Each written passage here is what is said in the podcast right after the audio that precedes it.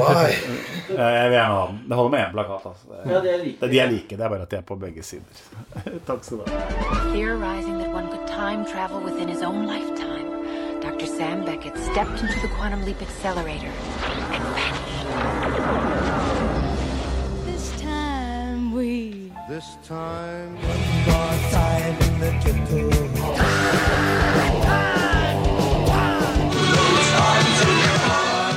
Hei og velkommen til Radio Tidsmaskin. Eh, navnet mitt er fortsatt Marius Øfsti, og vi er tilbake her på eh, loftet på Kampen Bistro. Eh, og jeg har fortsatt med meg Lars Skagberg, Space Rock-ansvarlig i redaksjonen.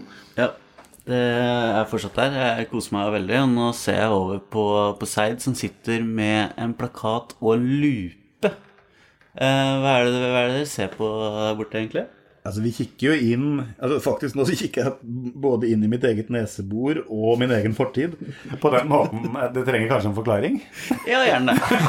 Siden det er radio også. Ja, siden det er radio. Altså, det jeg har eh, i hånda her, det er jo en plakat som eh, um, Marius Martinussen laga for og av og med oss, hvor han har tatt jeg tror det var mellom, et, et eller annet sted mellom 1300 og 1500 gamle bilder av Seid fra hele vår levetid, og satt sammen til en mosaikk. Men han har også han har ikke stoppa med det. Han har smelta sammen Vi er jo fire stykker i nåværende inkarnasjonen av Seid. Og eh, smelta oss da sammen til to ansikt, som da er bygget opp av denne mosaikken. Så det, det vil si at med lupa, da, så kikker jeg jo da inn i en ganske sånn sammensatt eh, og brokete forsamling minner. Men det er jo fantastisk. eh, Man blir jo varm, varm om hjertet og ser at det er eh, blitt litt jobba Jobba så mye, ja, men jeg som ikke har det der nære forhold til eh, hva som egentlig skjer på disse bildene, så ser jeg bare på en måte håndverket i det, som er, eh, som er veldig rørende. At det er blitt jobba så mye med. Men det er jo en, en passende anledning til å se litt eh, bakover i tid. Eh, Vi er i tidsmaskin. Eh, Seid er 25 år i år. Og i morgen så kommer eh, en splitter ny eh, eh, Seid-plate. Fjerde ordinære studioalbumet, kan vi vel si. Og i den anledning så har vi da fortsatt med oss Eller kan vi si i dag har vi med oss Jørgen Kosmos og Burt Rocket. Og vi skal, vi skal grave oss bakover i tid. Altså morra, det blir jo da når vi spiller inn, da. Eh, Eller når det slippes. Når det slippes. Ja. Det er vanskelig å holde orden på tid i en tidsmaskin, men 9. så kommer plata. Det gjør den. Yep. Så, og hvis du da, kjære lytter, hører på det her på et tidspunkt som er etter 9. november, så er plata allerede ute. Da er den allerede kommet. Men hvis du er en av våre faste lyttere og hører på akkurat nå, så har vi Vi skal starte med å spille et ganske langt strekk fra den nye plata. Så der, Jeg hadde håpa på verdenspremiere, men jeg ser at det var noen tyske radiostasjoner som har spilt akkurat de samme låtene. Men det er jo et, et godt tegn. Eh, gratulerer med ny plate. Takk. takk, takk. Eh, jeg syns nesten Jeg lurer på om jeg syns det er den beste. Da har vi gjort noe riktig, da. Det er veldig hyggelig. Og, og jeg tenker jo også Det er kanskje litt sånn Heldigvis, heldigvis er jeg i mindretall i forsamlingen, tror jeg. Men jeg Som syns jo det. egentlig dere har lagd Nei, men Nå må jeg ha forklaring her. Jeg syns jo at, at dere har lagd at den hver eneste plate har vært litt bedre enn den forrige. tenker jeg Så Sånn sett så er det en dårlig idé at vi skal bakover i tid nå, for da vil det jo bare bli dårligere og dårligere. plater. Jeg syns den første plata er veldig bra. Ja, Jeg syns også den første plata er veldig bra. Altså. Så det starter jo på, på min topp. Men, eh, Ja. men jeg tenker altså, et par ting som norsk. Dere synger på norsk. Ja. Det, er, det er radikalt nytt. Både og. Altså, I starten så gjorde vi det. Ja, sånn at du kan si at det er en slags sirkel Jeg sier ikke at den er slutta, for det betyr ikke at vi kommer til å måtte gjøre det igjen. Men Det har vi ikke snakka noe om. Men, men det, var- det er jo, vi har gjort det før. Men ikke på plate. Det er riktig. Nei, det finnes noen demoinnspillinger fra 90-tallet. Som låt voktes med uh, hagle. låst inn i den innerste safen din. Svigerfar har i hvert fall eh, jeg har en del våpen i kjelleren, og det er låst inn der. Kommer ikke inn der. Men, også, men, men apropos sirkelen slutte, da. Altså de, de, det vi skal høre nå, 'Trollmannens hytte', skråstrek eh, 'Satan i blodet'. Så når, når jeg har hørt de første, tenker jeg at det her er jo litt sånn, sånn nøkkelverk, nesten. Så dere oppsummerer jo litt en sånn slags Seid-filosofi og hva bandet handler om på veldig mange måter i de her to låtene. Jeg husker du sa det i en e-post eller på telefon, og så tygga jeg litt over det. Eh, og for min del, jeg kan ikke snakke på vegne av bandet, jeg kan bare snakke på vegne av meg sjøl, så er det eh, de to låtene et litt sånn eh, skal vi si, litt sånn barnslig motsetningspar.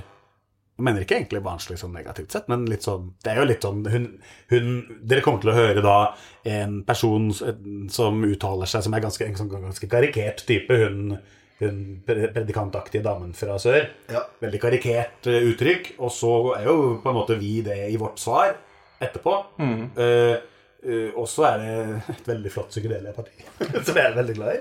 Men nei, jeg, jeg vet ikke om nøkkelverk. Det vet jeg ikke, men det er jo Nei, men det her, Den her eh, talen eller radiointervjuet eller hva nå er dere har klippet sammen, og denne som, som vet så mye om eh, musikk Ja. ja. og, og slik som at popmusikken kommer fra Vet hvor den kommer fra? Den kommer fra trollmannens hytte i Afrika et sted. Ja, hun, hun, vet alt dette. Det, tenker jeg, det, er jo helt, det er jo helt parodisk og helt karikert, men så er det jo også egentlig helt sant. Ja, ja, ja det er sant. på, en, på en helt annen måte. Altså, den, den rytmiske musikken som ligger Ja. til grunn, kommer jo fra Afrika. Ja, ja. Absolutt. Men så har det liksom gått gjennom et filter som i dette tilfellet da er henne. Så en ganske ravlende gal religiøs dame fra et eller annet sted på Sør-Vestlandet. Eh, via et sånt Det var vel egentlig et radioprogram hvor noen eh, fant ut at eh, Ja, hun er sprø, hun ringer vi. Og så, ja Prøver de å holde seg alvorlig, men det hører jo altså Vi har jo klippa i det her. Vi har jo klippa bort han som intervjuer, og vi har jo editert en del på det hun sier, da, selv om vi har ikke forandra på noen av setningene hun sier, da, men eh, du hører jo at til og med han som intervjuer henne, klarer ikke helt å holde seg fra å flire litt.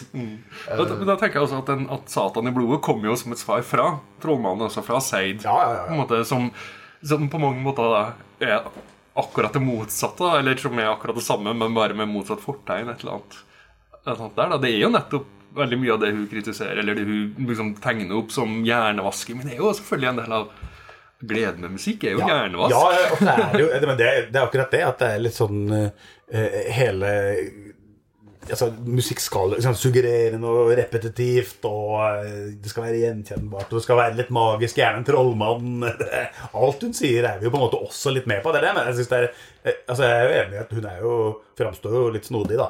Men, men det er jo like, grunnen til å ha henne med for min del òg, er like med at det er, det er litt sånn sider som vi har, har i oss sjøl. Veldig sånn motsetninger.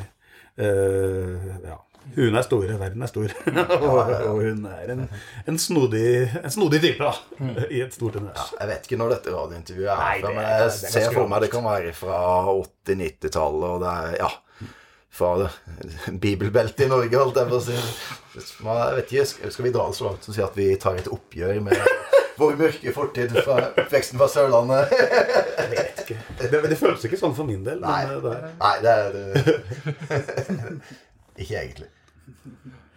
Men uh, like fullt, vi, vi starter denne del to med uh, å lene oss litt tilbake, slappe litt av, og uh, bli med uh, til Trondheim sted.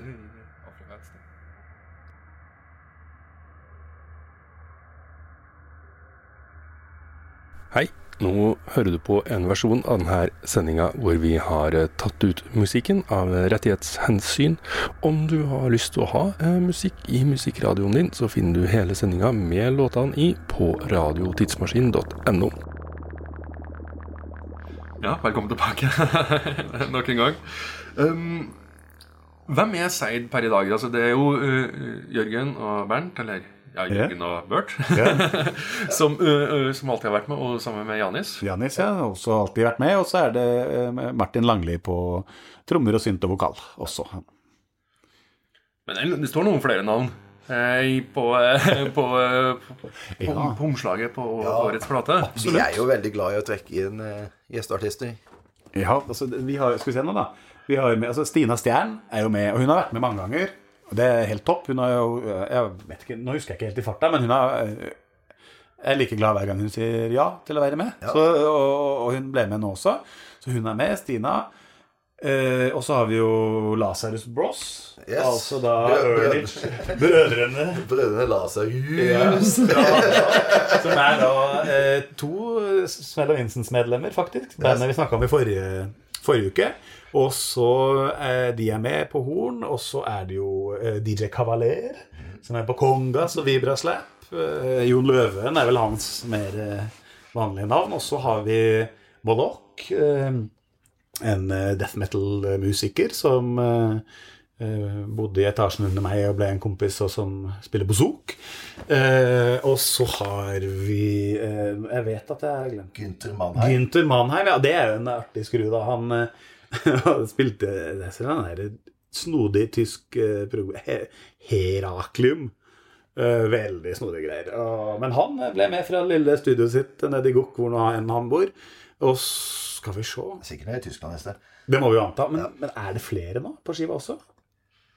Åh, um, Kanskje vi begynner å nærme oss uh, kanskje mål? vi- Ja. mm. Men hvordan har innspillingen vært? Så Det er jo seks år siden forrige eh, ordinære plate. Vi skal jo litt innom det sidesporet straks, for øvrig. Eh, hvordan har innspillinga vært? Har dere eh, Noen har flytta noen byer i mellomtida? Ja, nei, vi har jo eh, eh, Når vi spilte Vi var jo en runde og spilte etter den forrige plata, og eh, fikk med altså Organ Morgan, som spilte Spilte keyboards på forrige studioalbum, eh, måtte gi seg etter hvert. Det ble for mye med jobb og unger, og han bodde i en annen by og alt det der. Han var litt lei oss. Han var litt lei oss, sikkert. Men uansett, da måtte vi jo få inn en ny keyboardist til live-bruk, og vi lagde jo litt musikk med han. Vi var jo veldig glad i å arrangere seidminarier, som vi kaller det, da. Sånn helgeseminarer hvor vi jobber med musikk og Men så ga jo han seg igjen, da.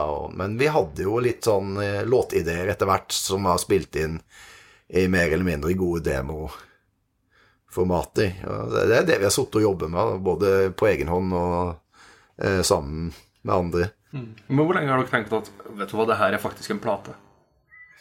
Nei, siden eh, sommeren 2017 eller 2016, eh, da vi hadde vært i studio, vel? Ja, jo, ja. Mm. Ja. Og Hvordan er det å høre det ut i et rom sammen med andre og sånn, altså sånn med, med norsk språk og på en måte en eh, eh, litt sånn nytt ut... Ikke sant? I hvert fall eh, vokalmessig uttrykk. Er det, hvordan kjennes det ut? Det er litt skummelt. det er litt ubehagelig, ja nei, eh, syns jeg, da. jeg var vel kanskje den største motstanderen, må jeg ærlig innrømme, av å synge på norsk. For jeg får litt sånn guffende norsk rock-vibber av det. Men jeg syns det funker.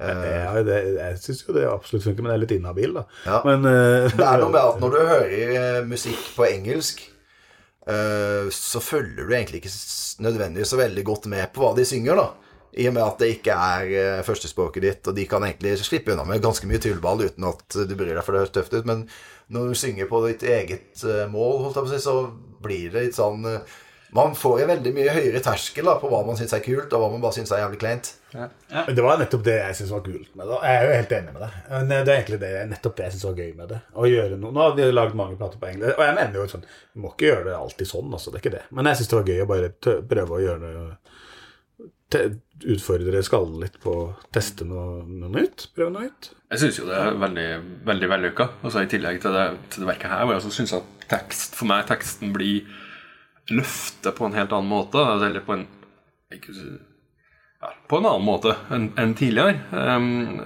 og også Haugøye som uh, singel som dere har sluppet, og som noen her kanskje sitter og klipper video på. Eh, Forhåpentligvis ferdig før, før den sendinga her ute. Eh, men også uh, tittellåta som inneholder linja 'Welschmerzt baby, bli med meg hjem'. Som er, som er flott, altså. Ja. Så, så jeg, jeg syns jo det. Og så syns jeg det er interessant hvordan Jeg vet jo at en del av de engelske tekstene på tidligere plater som liksom, høres veldig sånn fantasy og fancy ut, som egentlig handler om en fotballtur til England og en tilfeldig kafé i, i Hamburg. Et sted, altså, sånn, der dere har tatt veldig sånn dagligdagse ting da, og, så, og dratt det ut og gitt det sånn fantasy-ferniss, så har dere litt gått andre veien her nå. og Der, nå går jo tekstene liksom tar det kanskje mer alvorlig, da. Uten at den er nødvendigvis er en sånn dønn seriøs plate, det her heller. Så Ja, det, det må jeg nesten ta ansvar for. Men jeg syns jo Ja, det er jo Nei, det, det er vanskelig å svare på. Jeg synes eh, Det hørtes fint ut når du sa det sånn. Og jeg vil gjerne skrive under på det. Det du sa. Ja, jeg er enig med siste taler. Det er ikke for å liksom å fraskrive meg noe eh, ansvar. For jeg, jeg tror jeg er nok nå er mulig Du har også vært med og skrevet eh, en del på det her, men jeg tror jeg har skrevet mest tekst på den skiva her. Tror jeg Ja. stemmer. Og så var ja, og sammen med Martin og Tuva også på én sang, da. Også, men uh, hovedsakelig er det vel meg som må må ta ansvaret for det her, ja. Men jeg vet ikke om det er så Jeg har ikke noe, vet ikke hva fornuftig jeg har å si på det, annet enn at jeg hadde lyst til å, øh, å, å, å få til at vi sammen lagde en plate der vår seidrock funker også på norsk. Det var det som var målet. Og det, derfor så for meg så er ikke teksten en isolert del fra musikken. Det, er- jeg, jeg, klarer, eller jeg klarer ikke å liksom se det for meg uten Jeg hadde aldri sittet og jobba med de setningene hvis ikke musikken var der først. Så det, det henger så tett sammen at jeg, jeg klarer ikke helt å se det separat. Ah, Hvis du skjønner? Ah, nei. Hvis det gir mening. Men eh, vi må bare ta tak i den eh, med en gang. Liksom den, den space uh, eh, med liksom eh, Med trollmenn og, og, og wizards. Hvor er det liksom Hvor, hvor uh, hvor gøy er det på en måte å, å gå inn i det universet? Det er på en måte litt sånn her grenseløst univers som man beveger seg inn i.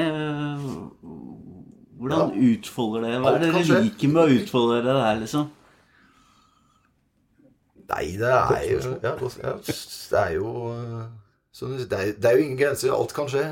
Det er veldig inspirerende. Nå er vi jo ikke det eneste bandet som gjør dette, da, men øh, heller ikke på norsk. Men det blir veldig Det blir veldig mye Jeg syns det, det er veldig artig, underholdende og ikke så Hva skal man si Ikke så seriøst. Altså, man, man, det, det er veldig lite selvhøytidelig. Og så er det, ja, det er det. ja. Det, er, det, jeg vet ikke, det skal jo være, litt morsomt. Et fristed, da. Mm. Der, det er, jeg husker jeg jeg prøvde å lese eh, biografien til han Keith Richards. Eh, Det var en veldig fin bok, men jeg, var ikke så interessert i bandet at jeg orka lese hele. Men det var en veldig artig, mye artige skrøner der. Og så var det eller, det er sikkert sant. Men det var ikke poenget. Poenget var at han beskriver en ganske universell ting som gjelder alle de jeg kjenner som spiller i band. Han snakker om du den der bobla som du kan oppnå de gangene du funker sammen med fem kompiser eller fire og whatever du står der og, og på en måte Det er i hvert fall for meg, da. For meg så er det det fri sånn, Det, det der space rock-greiene er på en måte en sånn øh, veldig frihet fra alt i verden, uten at det nødvendigvis flykter fra noe. Men det er Jeg bare skulle akkurat til å foreslå virkelighetsflukt her. ja. Nei, det er bare en, veldig deilig tilstand. Ja. Å stå når, når det funker i et band. Du- Når du, du treffer og Når jeg, når jeg treffer på en overgang, det, så er livet ganske sånn eh, problemfritt. Kommer ut på tyske Sulatron. Som jo også betyr at den kommer på CD. Det syns jeg er eksotisk. Det syns vi var komisk. Ja, det er- og ikke minst overraskende. Ja, jeg husker jeg sa det Jeg sa det når jeg ga ut forrige studioalbum, og eh, ja, eh, ja, det var jo første gang jeg sa det. Jeg sa det igjen nå. Ikke CD. Ja, jeg var helt enig. Ikke faen, vi skal ikke lage CD. Så det de, de andre involverte i bandet og plateselskapet burde bare bli enige om det å si noe til oss. Ja.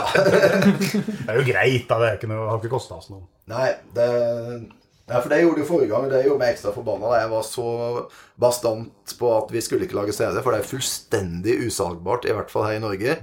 Men ikke i Tyskland, er det som er greit. Ikke Tyskland, og tydeligvis ikke Italia heller. Men uh, forrige gang vi ga ut studioalbum, så ble vi jo nesten påtvunget ikke bare det formatet, men vi måtte også betale for det selv. Selv om vi ville ikke lage CD. Ja, det var ikke 100 vellykka, akkurat det. Men, uh, men det kommer noe på CD, da. Men hvorfor, hvorfor eh, Tyskland? Hvorfor Sulatron? Vi, vi kontakta flere ulike, og vi hadde faktisk, denne gangen hadde vi faktisk muligheten til å velge Ikke akkurat velge over akkurat det mener, men et par veldig hyggelige, fine selskaper som var interessert i å gi den ut. Og vi valgte jo eh, Sulatron av flere grunner. Det er et selskap som kler oss godt musikalsk. Vi liker Dave, som driver det. Vi har gitt ut på ham før. Han er eh, en fyr som du, du kan Han gjør det han sier han skal gjøre, og er eh, både trivelig og rar og flink. Ja, så er det, det var jo det selskapet som var, eh, definitivt var størst Ja, ja, av de ja. som var interessert. Absolutt. Eh, og det teller jo litt. Selvsagt. For da får du altså, Han er veldig flink på promo. Ja. Eh, Det var litt sånn Det var nesten så banalt at man bare inn på Facebook-sidene til de forskjellige selskapene som er interessert. Se her, ja, han har 3000 følgere. Han har 6000, og så kommer vi til eh, som har ok, 90 000. Eller hva, jeg vet ikke. Det, Jeg det, det er fullt så mange. det er helt vilt. eh, mye i forhold. Ja, absolutt. Og så- men, sånn, men det at vi kjente han før, og har jobba med han før, var jo også viktig, da. Og så skal vi skru tidsmaskinen til Det blir vel ca. 2015, tror jeg. At, eh, at eh, en god venn av meg, en god venn av oss, skal vi si, Lars, eh, plukke opp et filmprosjekt som har ligget i en skuff. Eller han plukker det opp til 2014, tror jeg. Men, men eh, rundt 2015 så, så sier fra til meg at en film som, som jeg var med på noe, i litt sånn vagt definert produsentrolle, og filma i 2000, og, eh, 2000? Nei, 2001, eh, at han drev og gjorde det ferdig. Og da var det jo etter hvert så kom det jo fram at vi måtte ha noe musikk til denne filmen. Og på det tidspunktet så lå det et temp-track av klassisk italiensk skrekkfilmmusikk. Goblin og lignende. Altså hvem skal få den oppgaven, da? Og da må jeg innrømme altså, at ikke, ikke bare fordi jeg tenkte at det var lett å spørre Seid, men kanskje ikke minst fordi at jeg hadde fått med meg hadde sånn vag idé om at, at eh, særlig Bernt eh, skjønte greia. Så tenkte jeg at jeg må spørre Seid om dere har lyst til å lage musikk til denne eh, filmen som heter 'Verta er. Og det hadde dere lyst til. Yep. Så du hyra inn Seid som produsent? Ja, så det er deilig. Apropos Pitcairn Island fra forrige episode og innavl. Men det er det fine med, med Radiotidsmaskinen. Vi har ikke påstått at vi er journalister. Vi skal ikke påstå at det er noen form for objektivitet. Vi har kun gjester som vi faktisk er glad i. Ja, ja, ja. Eh, Vi er som fans. Det, det, det er vi ærlige på. Eh, Men det var det, og det var den beste beslutningen jeg gjorde i det prosjektet. Og det var kanskje den viktigste innflytelsen jeg har på det prosjektet. tror jeg også. Jeg har den eh, vinylen hjemme. Ja. Jeg kjøpte den på, på premiera. og Den er, jo flott. Eh, flott musikk og flott innpakning og, og alt, altså. Filmen er jo veldig, veldig kul, altså. Jeg er jo glad i den. Så Men hva er det vi skal høre fra den, egentlig? Eh, Jeg har eh, plukka, Agnes, rett og slett. Kanskje altså, Det er jo en sammensatt soundtrack. Det er jo en fantastisk liten apropos det italienske den, det, det sporet som heter Sylvander, på, eller Richard, på, på slutten, som har en deilig deilig eh, 70-talls eh, funky bass. Men jeg tenker altså at vi, vi tar altså den åpnings, åpningsmusikken. Agnes.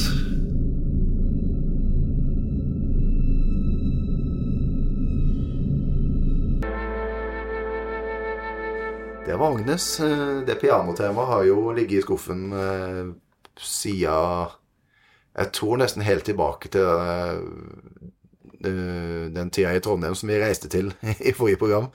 Eh, og eh, er blitt spilt inn i masse forskjellige demoversjoner. Aldri kom noen vei med det. Så plutselig så bare satt det som si, åpningsvinett til denne filmen. Det blir jo Agnes, hovedrollepersonens tema. Vi har hørt Margrethe Rød Ja. eh, fra 2000.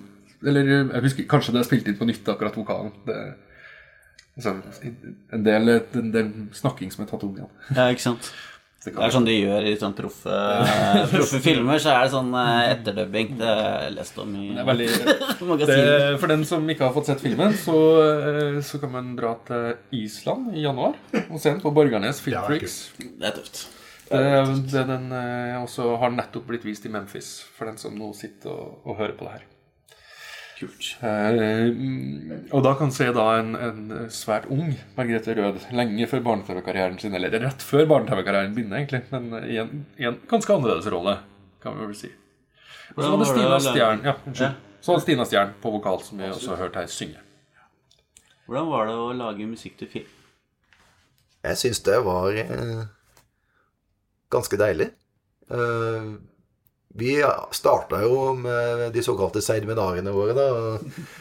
Vi hadde fått et eh, råutkast av filmen som vi da blåste opp på veggen med en projektor og sto og spilte til og prøvde å ja, bare stå og jamme, oss litt, finne litt veien. Ja, fomle oss fram og ja, hadde en del temaer etter hvert. Så hadde vi en studiosession også hvor vi egentlig bare sto og jamma og dro med synter. eh, Så, ja, så falt det vel på meg etter hvert å koke alt det her ned. Det var jo liksom flere Det, ja, for det, sorry, det var, det var jo også flere runder. Vi hadde for eksempel, vi gikk jo gjennom eh, filmen sånn nokså sånn sekund for Eller Ja. altså, 00 til 022. Eh, så ga Ja. vi navn på stemninger og hadde et ganske sånn utfyllende skjema etter hvert.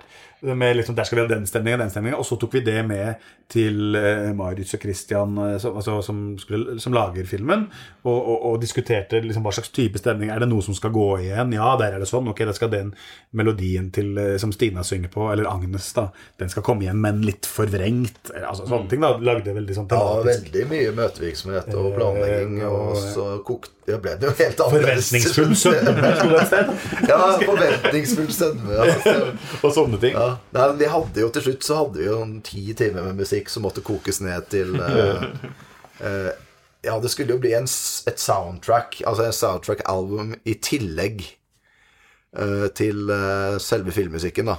Så det var jo litt jobb å, å få laga et album ut av det, men jeg syns det gikk ganske greit. Så jeg fikk snikt inn en del sånn partier som egentlig eh, har slitt med å få til å passe andre steder. Veldig fine temaer, men som liksom bare ja, passer der. Og så lurer jeg på, Det var en ting som jeg synes var nå, nå, Bernt jobba jo definitivt mest med det prosjektet her fra Seid sin side. Eh, men jeg var jo også mye med på det. Og, og det er en ting som jeg syns var veldig deilig. Jeg vet ikke om du likte det, men jeg synes det var veldig deilig å ha noen andre som sa ja eller nei. Og For Ja. Jeg følte det var litt sånn befriende. At da, ja, det er deres ansvar. Det er de som vil, de vil ha den og ikke den. Ok, greit, da er ikke det noe å krangle om. Veldig Ja. bra. Det, det tror jeg på. Som en produsent, liksom. Eller, jeg vet ikke. Mer en vanskelig kunde. Ja, eller det? Ja, nei, men Det er jo altså, det er utrolig viktig og, og at det blir riktig. Altså, det er jo, og det har blitt et veldig stor del av den filmen til slutt, den, den musikken. Altså. Det er veldig sånn tydelig stemning. og veldig... Nå er det veldig rart å se for seg at den ikke alltid har vært der, på en måte. men det, det gjelder jo mye, eh, mye selvfølgelig i et sånt kreativt prosjekt. Når det til slutt lander brikka, så blir de liggende. Eh, Etter en stund. Ellers er det jo en ganske eksklusiv klubb dere er inne i nå, som har gitt ut sound, norske soundtrack-albums. Det er ikke så mange. Altså. Det er noen, men det er ikke så himla mange. Det er mye norsk filmmusikk som ikke havner på motsetning I Motorcycle så finnes jo filmen vi skrev soundtrack til. Ja, det er et godt poeng. Kan vi da si at vi er faktisk større enn Motorcycle? ja Nei, nei, ok. nei, nei, jeg bare kaster den ut. Men ok, vi er ikke det. Si ikke større enn Motorcycle. Sorry, Bent. Sorry. veier mer, altså. Ja, det Vi er litt mer korpulente. Ja, det kan Så dere er flere, da. Ja, vi er flere. Så det, det teller jo opp litt. Tyngre. Jeg var jo litt redd dere skulle miste trommisen deres til, til Motorpsycho en stund. Jeg tenker jo altså at, at Martin ville vært en De må ha tenkt på Martin når de Når de trengte ny trommis nå sist. Muligheten er der. Det Det får vi aldri vite. Men vi, vi kan jo bare bruke det som en overgang og nærme oss da 2012-plata Magic Handshake, som var den første plata med, med Martin eh, Langli på tromma på. Altså, det er et scoop Ja. For dere. Ja, altså, jeg jeg syns alltid vi har hatt veldig kule trommiser. Så øh, det er ikke noe til forkleinelse for noen av de. Nei, nei, nei. Men det er klart at uh, han er jo en uh, trollmann og en maskin, da. Så det er jo alltid greit å ha. Å ha det i ett, liksom. En God kompis også, liksom. Og da er du en fin En litt sånn Kinderegg-aktig person. Ja.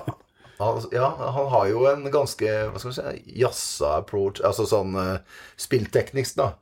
Eh, han bråker ikke selv. Han kan bråke, men han kan også spille på trommene sine. Og da blir det Etter hvert som man blir litt eldre og ikke orker så jævlig høy lyd hele tida, så det er veldig deilig å, å faktisk kunne spille litt dynamisk, da. Og så har vi jo kjent, altså, vi har jo kjent hverandre lenge før vi begynte å spille sammen. Ja, ja. Helt tilbake til da han spilte med Gåte. Ja, ja, ja. Altså, Og han dukka jo også på disse festene som vi omtalte i forrige program. Uh, Hundrehuset. Og stasjonsfestival og alt det Ja, han var jo deg. Så vi har jo Ja, vi spilte med Gåte en eller to ganger også på den tida vi snakka om sist, 98-2001. Så, så vi går jo ganske langt. Nå er vi jo hva, 2018, liksom. Vi har jo kjent hverandre i 18 år. Så, sånn at han er jo ingen eh, han, Og også da, mener jeg, så hadde vi kjent hverandre veldig lenge. Men det var veldig morsomt å begynne å spille med han, selvfølgelig. Det var det. Og uh, Magic Handshake er også, som vi var inne på forrige, forrige gang, altså at uh, når dere la inn årene i 2006, så, så var det i hvert fall noen av dere som trodde på det. Men så kom jo denne plata.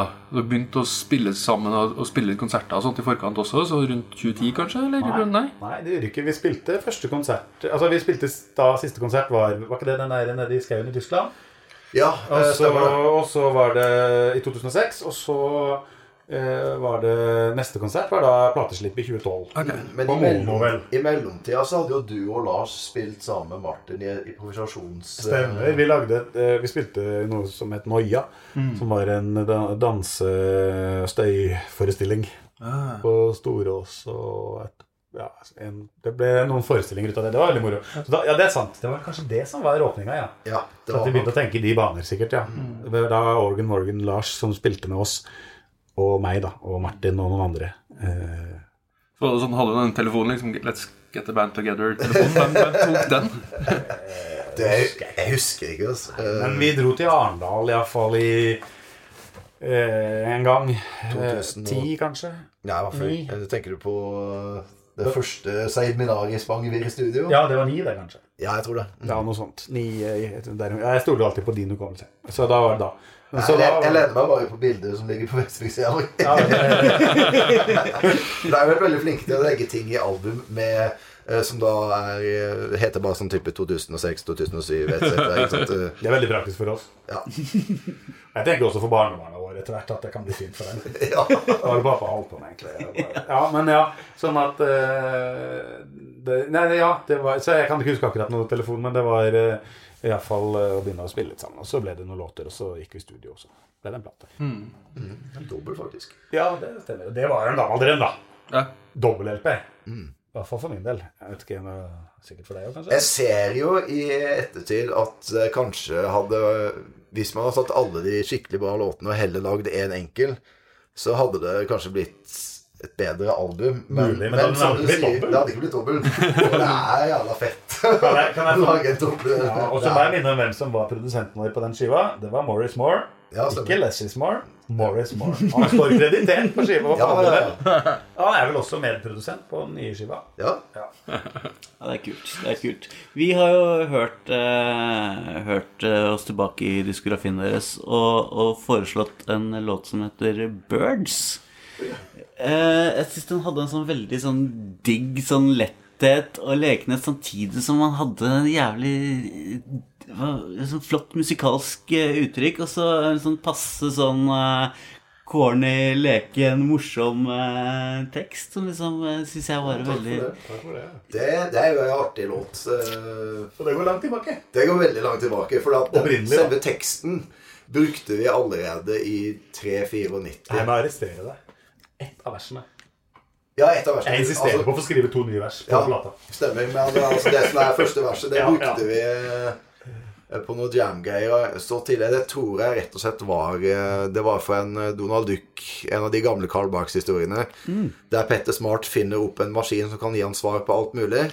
Og så spør han om noe så banalt som hvorfor synger den fuglen som sitter på kvisten og speker på et tre utenfor vinduet sitt, da, og maskinen svarer Kanskje den er glad, kanskje den er lei seg, kanskje den er litt sprø. Eh, og hele den eh, historien handler jo om at han da tror at det er noe feil med maskinen, og må prøve å fange fuglen på å spørre den selv. Og så det er jo det som er svaret. Kanskje jeg er glad, kanskje jeg er lei meg, kanskje jeg er litt sprø. Så jeg tok egentlig bare og oversatte den eh, strofa til, til engelsk, da, og så ble det en sånn tekst why the birds to see. Og bare om trommiser, så var jo det den, den spilte vi jo med vår aller første trommis, Espen Andersen. Det gjorde vi. Eh, Som, han var jo med å skrive flere, et par i fall, tror jeg, de låtene som endte opp på førsteskiva. Ja. Men uansett, ja. Han, også, han, nå har han jo på en måte indirekte da vært med på å skrive en låt som eh, havna på en skive 2012 òg. Ja.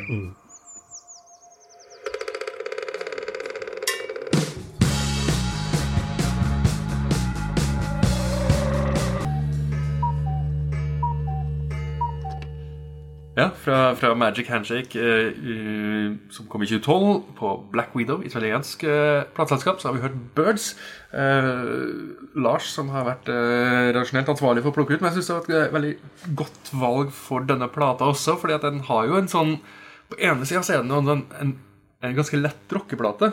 Ganske mange av låtene som i hvert fall later som om de er litt sånn litt catchy små rockelåter til å begynne med, og så sklir de ut i et eller annet sånt space. Men den er liksom Vi skal etter hvert til en plate som heter Creatures of the Underworld, som kanskje ser litt ned. Så ser den her litt sånn opp.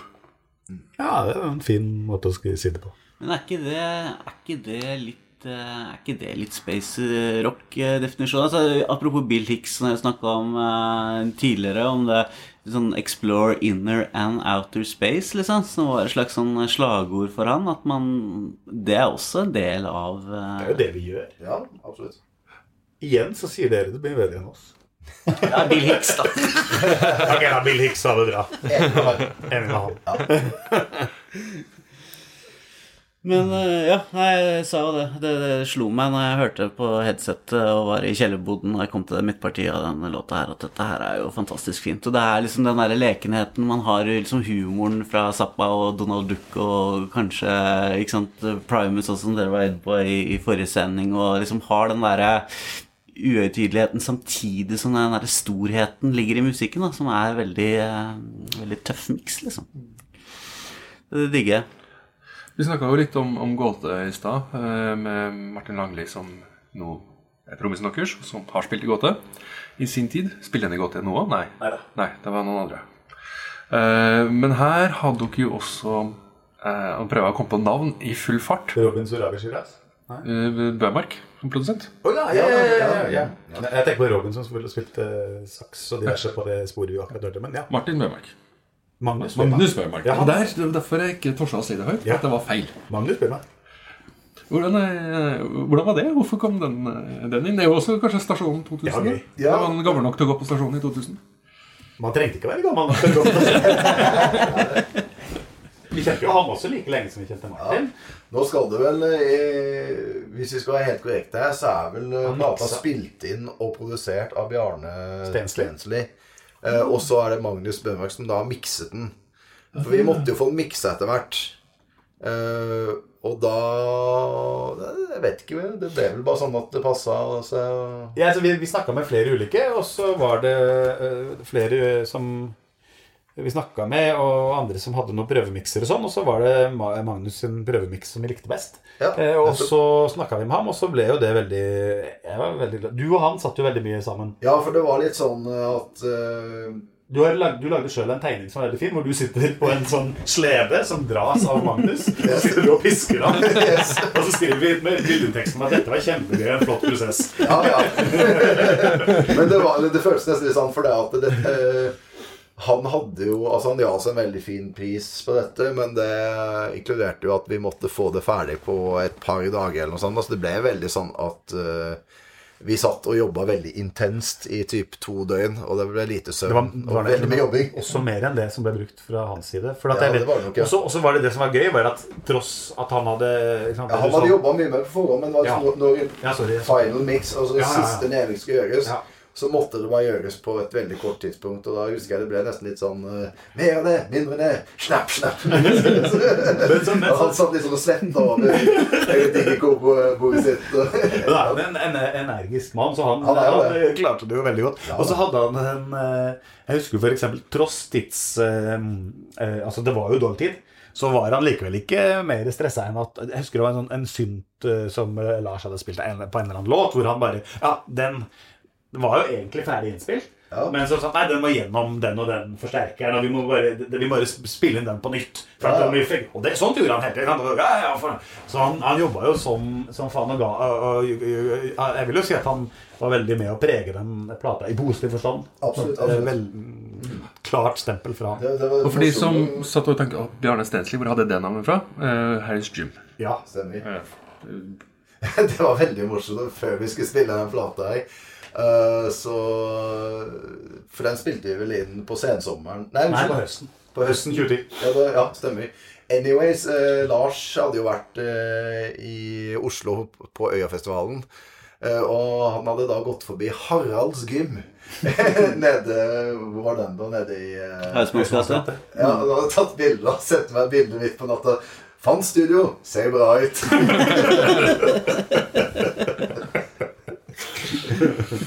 Det, det, var, det, var det veldig gøy å være med, med Bjarne. ja, Men ja, ok. veldig kult studio. Den spilte inn her i Oslo på Harris Gym. Ja. Ja. Eller sånn hos Bjarne, da. Ja. Så Bjarnes studio, som da lå nede i Lodalen. eh, Som nå har han jo vel flytta bort eh, ved vulkanen der, tror jeg.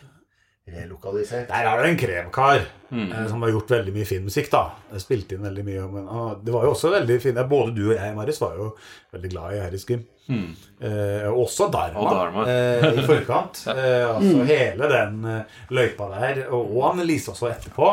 Eh, altså he, Hele den der linja der er veldig fin musikk og, og, av fine folk. Jeg er litt, for, litt, litt nervøs for å si det for vi har sagt på, på eh, tidligere tidsmaskinsending at vi skal lage sending med Annelise Frøkedal, og så har det ikke gått i boks. Men vi skal lage Annelise Frøkedal. Så- Det må dere så, eh, men vi har avtalt en, et tidspunkt for opptak nå, så vi håper at det holder seg. At, så kommer det eh, eh, Frøkdal og House og Dharma eh, i Radio Tidsmaskin utover høsten. Så det er tisa. Skal vi snakke om den tunge tiden? Dere la jo. Hvilken av dem? Hvorfor, slutta det, Hvorfor, hvorfor eh, la dere pakka dere sammen bandet i 2006? Uh, ja Ehm, Det var vel øh, flere grunner til det, egentlig. var litt lei, var jo ikke det? Jeg i hvert fall var litt lei. Du skulle flytte til Oslo. Ja. Janis skulle flytte til Arendal. Ja, det var jo uh, For Ja. liksom vi hadde tyna ut den uh, plata som kom da. Etter et litt sånn kjedelig I ettertid så var det sånn Ok, 2005 var et drittår eh, hvor vi ikke fikk gjort så vel, men det var jo bare et år, da. Men, eh, der og da husker jeg var litt lei. Men så, Ja. den satt litt langt inne, den skiva, liksom. Det, det tok litt tid. Altså. Jeg, jeg er veldig glad for den i ettertid, men, men det, jeg vet ikke. Det- For jeg husker jo den avskjedsrunden som en veldig glad tid. Ja da, ja da.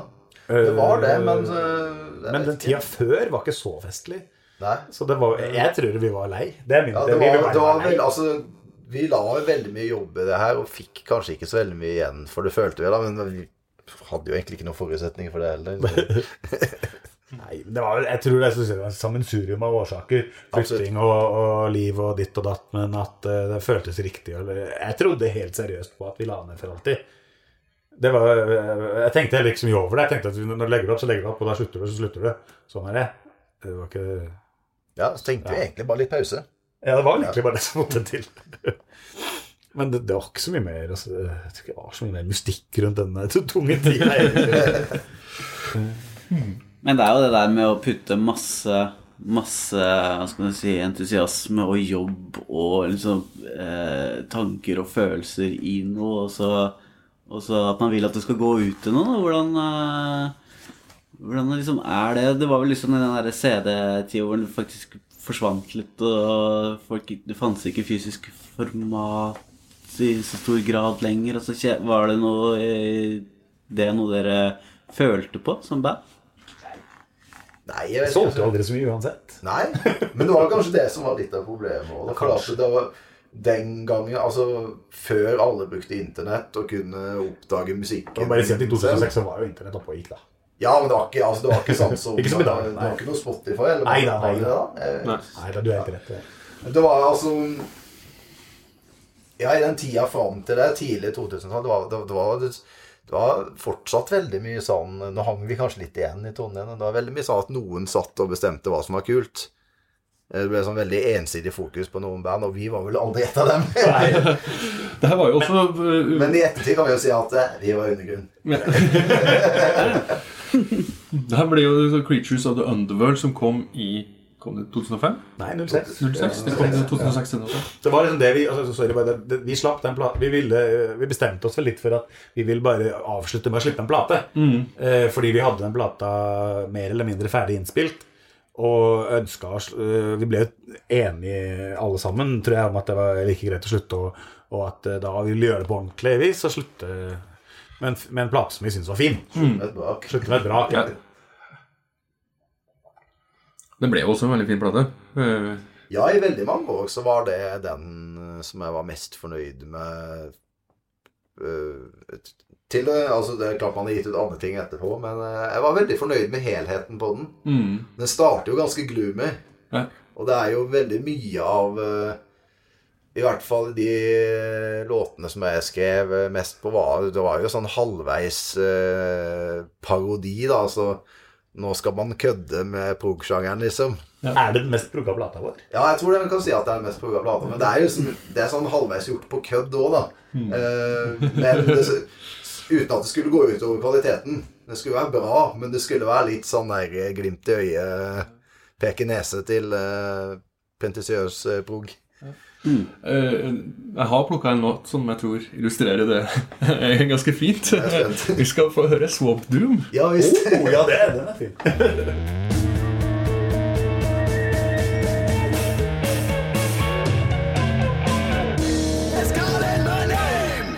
altså de, de, Den delen her av skiva som dere veldig godt beskrev i stad eh, det, det, det er noen minner som spretter opp. da Og Mühlfingen i Tyskland, eh, et år eller to før det her Vi spilte akkurat de, den skiva her, da, for det var jo mye fra den, den skiva vi spilte på den tida. Og da, Det var en liten by, jeg husker ikke helt hvor i Tyskland det var. Det er liksom nøye. Det var mer et veikryss. Ja, det var nok mer et veikryss. Med et forsamlingshus. Ja, det var det. Og der, der spilte vi. Og det var egentlig en hyggelig kveld med nokså greit oppmøte til å være et lite sted. La oss si det var 40 stykker der, eller Ja, ja, ja. der omkring, liksom. Men, Uh, og, men det, det som jeg tidlig var i- på konserten, var at folk sto og skvisa helt opp til baren. Altså da i motsatt ende av scenen. Og det er ikke så uvanlig det at folk ikke kommer helt foran. Men det, som, det var én som sto helt foran. Og det var en enorm en vesen av en menneske Ja, var- i noen militærklær. Han var kjempesvær. Altså, Ja. Han må ha vært godt over to meter. Han var uh... 120-130 kilo. byens original. Og langt, langt langt fett hår. Og sto og brøla tok ved flere anledninger over mikken. Ja, ja. Men det var ingen som altså, Jeg husker jo, altså, Hun som hadde booka turneen, Sabine, vi gikk jo ved et par anledninger bort og prøvde å, å liksom uh, Ja, hun, var, hun var ganske smart. Eh, Hun bare gikk bort og begynte å danse med han. Ja, sånn var det, For ja. at da da, da ville han ikke stå Da var jo ganske full for her, ja. Så, så den etter konserten, da, i han er svære fyren skremte jo bort alle publikum. Og etter så sitter vi Og vi ble, det, som var, det var jo flere sider ved den kvelden der. Baren var jo ekstremt raus. ja. Vi fikk vodka i, seriøst i melkeglass, og jeg satt i baren og kosa meg med det. Og så kommer han karen bort eh, og påstår at jeg prøvde å sjekke opp damen hans. Og det gjorde det var, jeg, jeg hadde virkelig ingen anelse om hva han snakka om. Nei, Jeg hadde ikke snakka med noen dame, egentlig, men hun satt tydeligvis ved baren. Hun kom da og sier at 'Nei, det går bra', sier hun. Eh, og hun var for, for øvrig heller ikke dama hans, eller et eller annet sånt. Jeg, ble bare veldig stressa av det hele greia. Men så spurte han Jeg snakka veldig dårlig tysk. Da og nå. Og så spurte han eh, Du bist gefährlich, oder was? Som jeg trodde bet tror betyr du er farlig, er du ikke? Eh, For jeg sto der og var, jeg var litt redd. Og så han bare Nei, nei, nicht für dich, eller et eller annet. Du bist mein Freund. Og så tok han tak i meg og løfta meg opp, da. Fikk en skikkelig Skikkelig vanskelig vanskelig og sto liksom, og rista meg godt til baren der. Og vi var venner, og det var ikke noe stress. Og så bare satte han meg ned igjen og gikk bort for å spille uh, Ja, kicker. vi sto og spilte kicker, og han skulle være med på det, da. Så, Han løfta jo hele bordet. Ja. forbanna hver gang han slapp inn mål. Løfta hele bordet og rista det. Oi. Han var så svær. Ja, det siste jeg husker av den kvelden, var at jeg, jeg skulle illustrere et eller annet for Jonas og kaste meg liksom, et sånt flott Jonas og Lindmann kaste meg et flott svalestup på senga, så bomma jeg dessverre. Jeg kasta meg rett på gulvet. Og så skal jeg gå og liksom kurere alt ved å sette meg ta en dusj. Og da våkna jeg da fullt påkledd i dusjen av at noen hadde dirka opp. Og funnet ut at nå må han her legges. Så det, ble, det var en veldig artig kveld.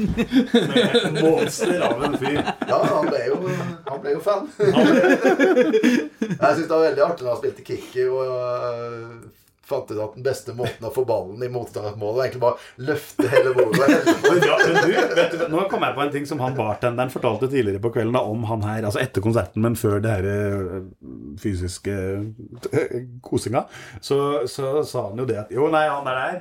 Altså, når vi ringer, Hvis han lager trøbbel, og vi ringer politiet, så kommer de ikke. Med mindre de er fem-seks stykker. så at han, han var nok Han hadde nok sine sider. Ja, da. Det var bra dere klarte å komme på godsida hans. da det var... Vi var, ble bestevenner. Ja, vi. ja. En eh, ny plate nå Ja. altså, jeg vet jeg jo, fordi at vi har snakka om å ha Vetla og Forsenke som oppvarmingsband på en, på en turné, at dere har snakka litt om å spille i hvert fall noen konserter. Men er det liksom Blir det en ny High ace til Tyskland? eh? Jeg gjør vel kanskje ikke det. Tilgi oss, for vi vet ikke selv. Nei. Men nei jeg- Håper det i så fall blir fly. Ja. Jeg er litt ferdig med å kjøre high-ass. kjenner Bank i bordet, det er ikke, eller man også, hvor man banker. Eh, Jeg vet ikke. Nei, det, det er, vi vet det. Det, der, det er ikke bare kokettering. Jeg vet egentlig ikke så mye om det, men noen konserter skal vi nå få til å spille. Iallfall her hjemme. Og i og med at plateselskapet er tysk, så er det jo ikke fritt for at det hadde vært veldig gøy å spille der igjen. Nei, vi, vi, altså Den siste konserten eh, vi gjorde, som vi var inne på i stad, var jo i, i skauen utenfor München på en sånn utendørsfestival som het Freak eh, Freak Week No End. Freak Week No End. Det var det var veldig artig. Eh, og da ble vi jo faktisk flydd ned. Uh, og de skaffa vel alt vi trengte av backline Ja da, det var og veldig og opplegg. Så det var egentlig veldig greit. Så det er Mer sånn. Rockestjernedrømmen i Ja, det er bare, det er bare tolv år siden. Jeg husker jo allerede da vi bodde på stasjonen, eh, så var det jo som Det var liksom eh, Fikk vi liksom høre historien om nullskatte. De var jo store i Tyskland. At det de gjorde, var egentlig bare å ta et fly ned til Tyskland, så sto det klar en van med all backline. Ja, det var en fascinerende verden å høre om. Ja, det var sånn, Det er jazz òg. Kanskje det er på tide at også vi kan få oppleve det. Vi Ja, var nå, ikke nå, nå har dere jo fulgt uh, Nils Katte Snylternes spor og synge på norsk. Så da Ja, er det er. Tyskland åpent. Kanskje vi Yes. endelig kan komme oss til Tyskland. Vi var der mange Ja, ganger, da. jo, dere har spilt mye i Tyskland, det er ikke det. men det er lenge siden nå. Eh, vi har jo holdt oss til Seid her. Vi har jo vært innom så vidt at, at du, du hadde et, et annet eh, prosjekt med den forestillingen. Eh, Bernt, du har jo spilt i, eh, med og i en, en rekke band, kanskje særlig Nå holdt vi på å blande begge to navnene her, men Ja, øh, jeg spiller jo øh, Akkurat nå spiller jeg jo i øh, fem-seks band, egentlig. Blant annet Peri Perry Dare and The Deerstalkers, som er et veldig sånn retro, tidlig 60-talls beat uh, piggtrådband. det er veldig fint band, må Ja, å si. Uh, men, uh, men ett band eh, som, som ikke heter Seid, må nesten være Som har kanskje en overgang her, da. det er også litt sånn retro. Eh, Jeg tror jeg vet hvor han vil. Ja. Litt seinere 60-tall, kanskje? Blir det, riktig for du som Eh, kan vet ikke, helt eh, spesifikt? Hva tenker du på? Ja, Vi skal jo til Traveler Wankers. Ja, det ja det, kan- Så, så surf, er det før eller etter beat? Det er vel egentlig før, eh, før eh, beat. eh, Før, det er jo veldig amerikansk gitarmusikk før Beatles kom og ødela alt. holdt jeg på å si, i 1964. Så eh, selve utgangspunktet for Tremolo Wankers var jo den instrumentale surfmusikken fra typ 61 til 63. eh, Da spesielt i California, da. Eh, og vi tok jo det og blanda med hva si, Fuzzbass. Fuzzbass Motorhead eh, liksom, Hva hvis Motorhead spilte Surfossen i Lelåte? det var vel utgangspunktet. I hvert fall i starten. Så ble det vel litt mer sånn ja, surfgarasje med litt mer retro uttrykk etter hvert. Men det ble jo en plate av det.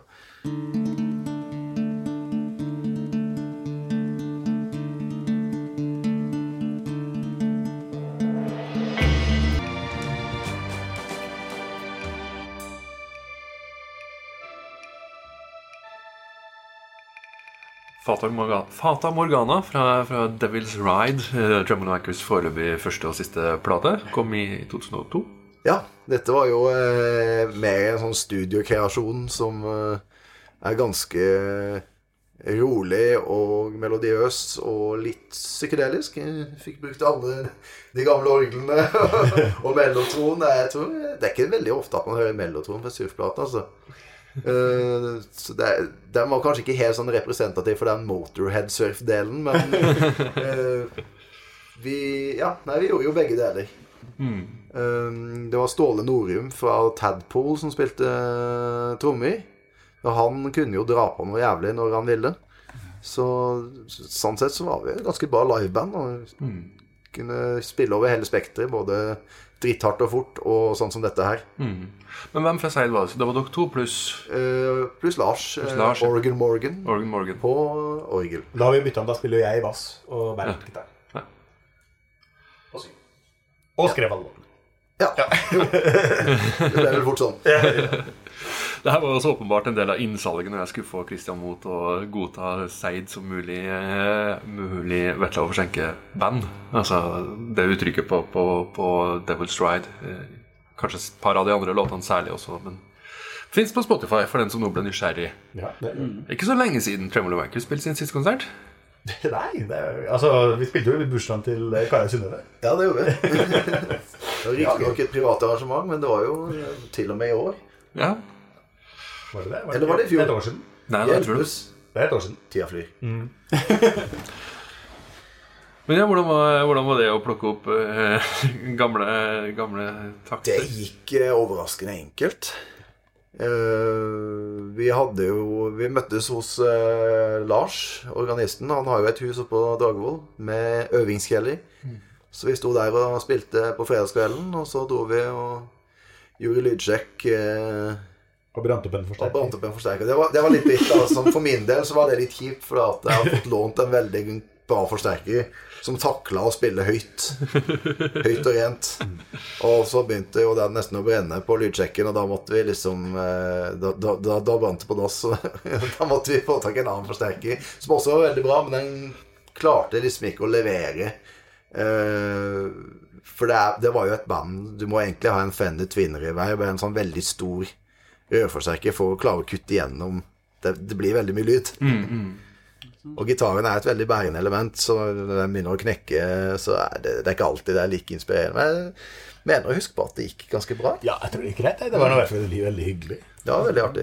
Men nå snakker jeg Nå er jeg, litt sånn på, på, på gyngende grunn i musikkhistorie, men jeg har en, et bilde av en historie med Leo Fender som møtte Dick Dale i California, og at de sammen liksom kom opp med noe Ja, det som, eh, som, som ble utvikla. Altså den at Fender-forsterkerne virkelig Ja, det var nok Eller gitarene. var eh, Han var med å utvikle den forsterkeren som het uh, Showman. Ja. Som er en forløper til Fender Twin Reverb. Uh, og han drev For han spilte jo også høyt og fort, og forsterkerne takla det rett og slett ikke. Så de jobba med å utvikle forsterkere som kunne levere høyere lyd. Eh, og ja, høyt, større høyttalerkabinetter, større alt, egentlig. Og ja, Dick Dale har jo tatt kred for ganske mye rart eh, de senere år, da han begynte å omtale seg selv i tredjeperson. Og han kaller det ikke surfmusikk, han kaller det Dick Dale Music. Og han har også begynt å titulere seg selv som the godfather of heavy metal. Så ja, Det var han som fikk slutt på krigen i 45 år, ja det var ikke det. Det synes jeg var Han ganske er, det er, litt sånn Gene Simmons-tendens her. da Han har liksom plutselig oppfunnet alt. ah, Ok. Men, Men akkurat den historien med at han samarbeider med Leo Fender, er sånn. Ja. Han var med på å utvikle gitarforsterker så at de skulle kunne takle volumet som krevdes ja, ikke sant? til den musikken. Jeg var og så den i den der, hva het den der kjelleren som lå liksom under uh, uh, en sånn der blueskjeller hvor Ja, de spilte Muddy Waters. Muddy Waters, Ja. Det het vel Rock Bottom uh, først, og så bytta de navn til Amplify. Det var noen Det er et sånt lokale som har hett mye rart, men som alle kaller Muddy Waters. Ja. Altså, men det det var en Waters var jo først sånt. der de gikk rett inn. Eh, jeg tror det er skobutikk der i dag, eller noe sånt. eh, Ja. Men det var ganske tøff konsert. Eller det var en jævlig tøff konsert. Jeg syns det var eh, kult, det. Ja, ja. Men eh, jeg synes det er litt interessant å gå inn på sånne utstyrsgreier. For det, er jo et element av, i hvert fall for, for deg, Bernt, utstyrs... eh, Jeg skal ikke kalle det fetisjering, men det er mye, det er mye greier på din side av scenen. Det føler jeg det får folk, det får folk eh, ja, eh, stå fram med sjøl. Oh, you should see my studio. Det er mye greier på din side av scenen på en seilkonsert. Ja, det er jo det. var mer før, egentlig, men eh, Nei, jeg, jeg begynte å samle på gamle synter uh, når jeg var eh, 14-15 år gammel. Så egentlig bare fortsatt med det. Den gangen kunne du få det billig, for det var ingen som ville ha det. Men uh, nå er det jo uh, Nå går det for veldig mye penger. Eller Det har begynt å roe seg litt nå. Fordi at det har dukka opp en del nyproduserte analog, analoge greier. Uh, som da har fått uh, tøyla de her bruktprisene på det gamle lite grann, da. Nye ting som låter bra, men som er mer stabilt. Men uh, Sånn at nå er det de som er interessert i det gamle som objekt mer, kanskje, da, som holder seg dit. Mens de som faktisk skulle ha det for at det skulle bare spilles på, de kan Ja. godt gå til det nye. Nettopp. Det har jo heldigvis drevet ned. Det har vært ganske hinsides, de her bruktprisene på Samme gjelder for så vidt uh, gitarforsterkere, bassforsterkere, orgler, alt, egentlig. Men uh, nei, jeg har en ganske heftig samling, og liker jo å ta med det når det går da, på konserter. Selv om det veier jo tungt. Hva tenker du, Jørgen, som har vært nødt til å bære på en del av de utstyret opp gjennom Nei, altså, vi har jo begge to alltid vært blant de som har båret mest i bandet. Så jeg føler er at du har vært veldig eh, solidarisk der. Det var verre med eh, det- han som vi ikke skal nevne navnet på, som spilte uh, Hammond-orgel og Leslie, og som Ja, ikke jeg han, hadde for han måtte jo ha med jævla tungt orgel og en jævla tung Leslie, men han hadde jo vondt i ryggen, altså. Ja, det er jo slapp å bære stakkar. Og så var det er å medlem, forsvare seg, det gjør det bare enda bedre. så var det et annet medlem som alltid strategisk bare forsvant inn på dass. Ingen nevnt, ingen glemt. Og ble der til alt var bært og dans. Så, derfor så jeg har ikke noe jeg, jeg er jo veldig glad i eh, lyden av de tingene, så dette, jeg har ikke noe problem med at de står på scenen. Og når de skal stå på scenen, så må de nære seg opp. Så det, det har egentlig gått bra. Men det er mer sånn, etter hvert så har vi blitt flinkere til å pakke. Da. Eh, er blitt, eh, ja, Det er ikke så veldig spennende, kanskje. Men eh, eh, i begynnelsen så var det i hvert fall at ting lå litt mer og slang bak i bilen. Mens eh, jo eh, mer tida har gått, jo bedre er det, jo tryggere reiser altså, det, jeg føler at det er i hvert fall en del av irritasjonen i begynnelsen rundt alle de Og det er litt det som var poenget. da En del av irritasjonen rundt alt det utstyret handla jo også om at alt, det lå så jævla mange poser og bager og diverse istedenfor at jo eldre du blir, jo mer er i kasser, og jo mer er liksom ting stabla. Og det, det er lettere å frakte. Altså, det har også litt å si. Det, det er ikke så farlig. Og det blir ikke akustikker hele tida. Nei, ikke sant, og lette å koble opp. Man må ikke liksom løpe ut og lete i masse, ti forskjellige poser. Hvor er den kabelen? Hvor- Ikke sant, Man er blitt litt mer organisert. så noe av irritasjonen med sånne ting er vel egentlig bare hvis man er dårlig organisert. Er du bedre organisert, så er det ikke så nøye om det er ti tonn med drit som skal opp. Og så ser det jo deilig ut. Vi, vi, ja, det, det gjør jo det. Uh, eh, Jeg har jo mistanke om at, at enkelte deler i hvert fall av rock publikums fetisjering av Orange-forsterkere handler om at de ser jævlig fete ut. Men jeg blir jo glad. Jeg, jeg kan ikke høre forskjell på Orange og hva annet, men jeg blir glad når jeg ser en Orange på scenen. De ser fine ut. de ser jævla fine ut. Ja, visst. Har en orange.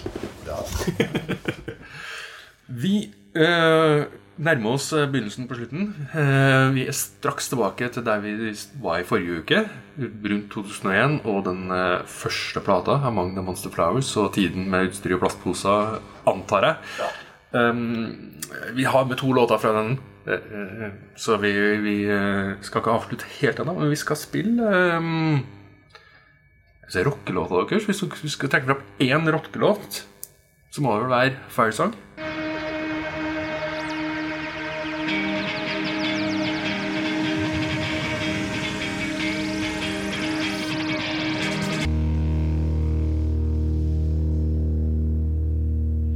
Firesong fra, fra Among, the, Among the Monster Flowers Again fra 2001.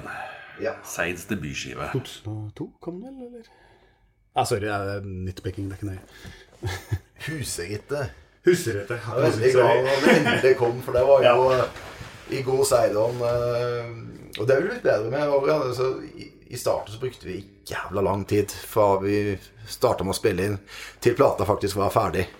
Og det handla jo litt om dårlig bandøkonomi og, Og organiseringsevne. Men eh, jo, nevnte låt. Det er vel, eh, som du sa, rockelåta, da. da da var det jo litt sånn når vi skulle skrive tekst, at vi bare skulle stable masse rockeklisjeer oppå hverandre. Det, det er helt bevisst. ja, det er en hyllest til rockesangen? Ja, det er jo det. En hyllest. Eh, hvis jeg kunne fått lånt tidsmaskiner for å dra forandre så er det kanskje selve engelskuttalen min som jeg ikke er så fornøyd med. Men jeg er ganske fornøyd med synginga. Husker Ja. jeg at jeg fikk en flaske brandy fra produsent eh, Mickey Moog, og der kom denne i vokalbåsen og syng. og det ble, ja, det ble ganske kult. Men eh, selve engelskuttalen var vel litt sånn eh, Tor Heyerdahlsk. Men det får man bare leve med. Jeg kan ikke ta tilbake. Men det var jo en veldig Selv om den tok veldig lang tid, så selve den studiotida jeg vet- For min del så var det kanskje den morsomste studierunden vi har Absolutt. hatt. For vi bodde jo da så å si i et studio borti Torgata i Oslo. Hos da eh, eh, altså Vidar Ashford, altså Mikke Mug, Mickey Mug, og hans folk. Eh, Et veldig fint studie, veldig oppegående studie. Mye bra. Hva het det igjen? Det het eh, Da het det Sonic Electronic, men det ble vel etter hvert Living Room. Ja. Eh, og jeg vet ikke helt om Living Room ligger der ennå, men altså det, det er jo gjerne sånn når du har et ganske stort eh, lokale midt i Oslo. Det var den jo i den der passasjen Hva heter den? pass- Strøgerpassasjen. ja. Det var jo oppe i etasjene der. Og det sier seg selv at du kan ikke ha et sånn lokale eh, så veldig lenge før du må liksom bli litt mer seriøs. Så det kom jo andre leietakere inn som var litt mer seriøse. De var jo seriøse nok, da. Ja, men altså, det var, eh, det var ikke noe Men det var ikke så mye penger i sånne band som Seid, da, for eksempel, Nei, som han likte godt å jobbe med. Det er sant. Eh, men det var en utrolig artig session, for vi hadde jo Vi var der, Jeg husker ikke akkurat hvor lenge vi var der, men uh, vi spilte Ja, la komp og, og, og var der hele tida. Alle var der samtidig. Det var ikke sånn der Ok, så legges synten på der, eh, og så legges vokalen i en bu på et helt annet sted. Som vi har gjort mye etterpå. eh, som har funka fint, det. Men, men det var mye gøyere å være sammen hele tida. Og, og gjøre det sammen. Og sånn eh, plutselig finne ut at tross at det var lange dager, så så fant vi ut Nei, nå lager vi en sånn køddeversjon av den ene låta. Legger sånn bonusspor. Eller det visste vi jo ikke da, men vi bare midt på natta begynte sånn. å spille inn en, en fjasversjon av en låt med tilfeldige kompiser som har vært på byen og kom innom. eh, og ble med. Vi styra veldig med å få en av kompisene lengst mulig unna mikken, for han var så dritings, og han satt med tamburin. Så vi måtte bare holde ham lengst mulig unna. eh, Ok, legg, Der kan du stå, kompis. eh, Du kan stå der, du Men det var veldig artig, og det ble en fin låt. Og jeg husker du våkna opp illsint. For at Ja, ja. vi bruker tid på det dritet her. Vi har ikke tid til det. Men så, men så plutselig så kommer det opp et forslag om at ja, men, vi trenger litt surfegitar her. Og da var du OK. Da var det fullt fokus. Ja, stemmer. Ja, da hadde jeg sovna inni vokalruten, og så våkna jeg og så faen er det jeg holder på med? Hva er det som skjer? Nei, det var et veldig kult studio. De hadde jo egen ølautomat Ja, ute i foajeen der. Uh, som man eh, Det var mer etter hvert eh, litt valgfritt om man skulle kaste på penger eller ikke. Ja, men så var det jo også andre der som ikke var like glad for at vi var der. Fordi det var jo Ja, det er som jeg nevnte Etter hvert kom det mer seriøse folk som Mm. eh, Men akkurat når vi spilte den plata, så var det litt sånn uh, Festlokale slash studio. Altså, Torgata i 2001 var jo en ganske annerledes gate, tross alt. Da, selv om det her var kanskje det som på det tidspunktet var den relativt respektable delen av Torgata, så, så var den jo enten jo på Jonstorget, som i 2001 eh, Eller 2000 eller noe spilte inn det her, da. eh, Var et, et hull. ja, altså, Men jeg var ja, Altså et sort hull. Og det var like før Mono tok sjansen på å flytte ned dit. eh. Men, men sånn, for min del, kanskje for din del òg Jeg var ikke i Oslo, jeg var i det studio. Ja, altså, vi, ja. nei, nei, vi var jo ikke noe annet sted. Nei, Nei, men jeg tenker på Leietakerne og hos sånt, vi bodde hos. Ja, dro ned på Kiwi for å handle mer øl. Ja. Plutselig så oppdaga broderen en uh, haug med ost som hadde gått ut på dato. Da hadde jo Kiwi en herre garanti. Da, da fikk vi Plutselig hadde vi seks kilo med ost. Sailing the Sea of Cheese? Ja, ja. På kjøkkenet i studio der, og da ble det som uh, ostefest. Det hadde jeg glemt. Ja, nei, det var jo fantastisk. Fin tid. Ja. Men hvordan var det å skulle gi ut Så Dere hadde jo en, en Og har jo i og for seg, men, men, men jeg husker jo det. altså Jeg ble jo kjent med Seid som band omtrent på denne tiden. Fordi at da booka jeg konserter i Trondheim, og jeg kan ikke huske at Seid noensinne spilte på Posspilten. Men det var kanskje litt at Jo, det gjorde vi. Vi spilte jo sammen med Brimstone. Vi, og Ja, ja, vi spilte jo. Pink Floyd sammen. Så altså, vi slo sammen Brimstone og Seid spilte uh, sammen på, alle sammen på scenen samtidig. Var. Thank you for being my memory. det er veldig deilig med folk som har husket ting. eh, Ja, mm. Det går vel litt begge veier. ja det gjør det. Ja, jeg er veldig glad for eh, Men, men jeg skal si hvordan og dere hadde, Det jeg skulle si, var at dere hadde jo en, en, en, en fanskare. Altså, det var jo folk som kom på konsertene til Seid og solgte billetter. Det, Ja. det var en forventning rundt det. Men hvordan var skulle putte en plate ut? da? Hadde dere noen forventninger til hva som skulle skje med plata? Jeg vet ikke, altså Vi sleit jo jævlig med å finne et plateselskap. Det var jo ingen som ville gi den ut. Eh, Det endte jo med at en eh, kompis slash fan starta sitt eget plateselskap kun for å gi ut eh, den plata her. Så tusen takk til Roar Sandvik, som ja, starta opp Luftwaffel Records. Eh, Og han har jo også vært med og spilt med oss flere Ja, det har han. Han har vært med Tur, ja. eh, på tur og spilt synt. eh. Han var kanskje mer kompis enn fan, da. Men han var glad i skiva. da. Veldig glad i skiva. det. Vi var jo veldig Altså, vi, vi eh, forhørte oss jo først og fremst med norske plateselskap. Uh, og eh, ja, så skal man si det var jo ganske sær musikk i forhold til det som var i normen den gangen. Da, så ja. Ja, så hadde vi jo ikke noe navn som liveband ut, i den grad vi hadde det, så var det jo det i Arendal og Trondheim, liksom. Mm. Eh, Det var Ja. ikke noe sånn Nei, vi har vel ikke vært noe sånn karrieremessig flinke. Men så er det også de, de bandene som når langt, er jo de bandene som ikke gir seg Altså likevel drar rundt og spiller 2000 konserter og år. Altså, det ville vært mulig å gå den løypa for oss òg, liksom. Så jeg tror ikke en skal bare peke på at vi ikke ble forstått. Nei. Nei, nei, men, nei, det var ikke det jeg mente. Men jeg, jeg, jeg var inne på den tanken sjøl denne gang. At nei, ja, De skjønner ikke hvor kule vi er, men jeg kanskje skjønte ikke helt hva som måtte til. det var vel like mye det. Ja. Det er å bite seg fast og ikke gi seg, sånn å si. Bare Men, men, men jeg må si at jeg, jeg syns jo den, den, den plata her er veldig sånn Jeg blir glad når jeg tenker på den. Jeg synes det, var, det var en artig tid. Det var gøy å få den ut.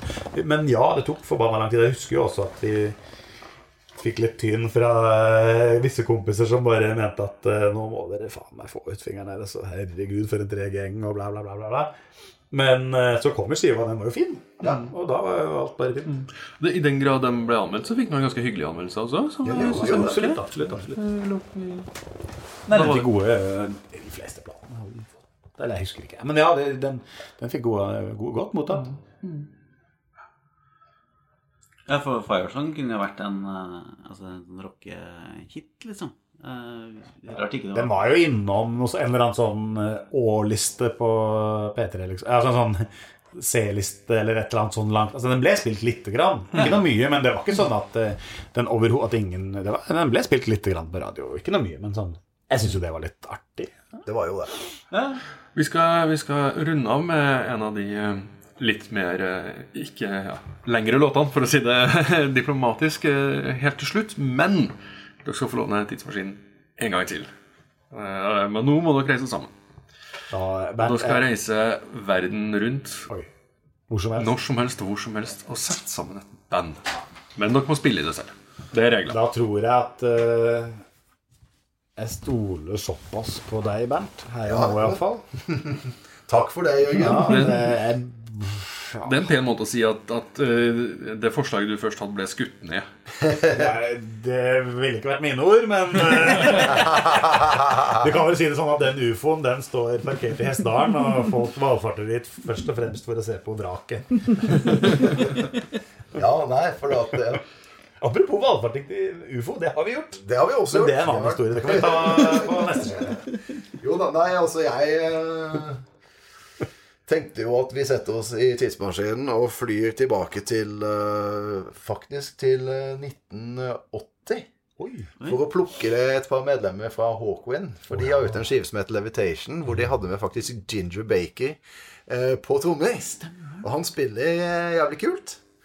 Og eh, Dave Brock syns jeg Han lager jævlig kule låter. Han synger veldig bra på en veldig fin britisk måte. Og spiller fin gitar og keyboards. Litt sånn multimann, da.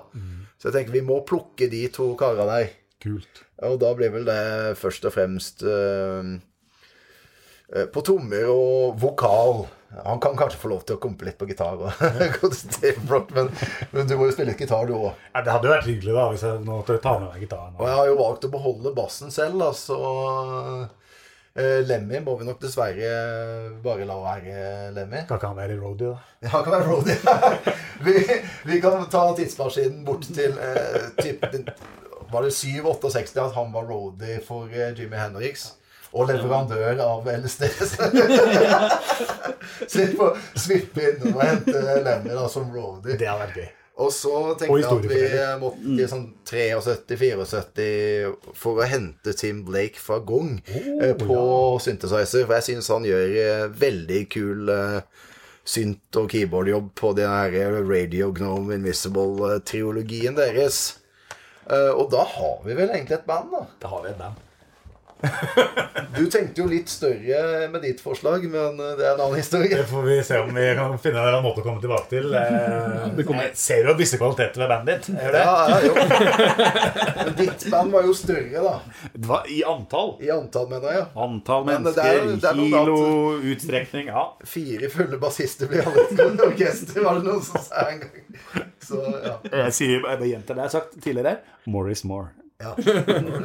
Ikke Leslie. Ikke Leslie. Leses. Leses. Tusen takk for uh, reisen. Sjøl takk. Tusen takk. Gratulerer med ny plate nok en gang. Uh, lykke til på turné når denne etter hvert uh, kommer i gang. Eh, vi runder av eh, med fem-fire fra Among the Monster Flowers.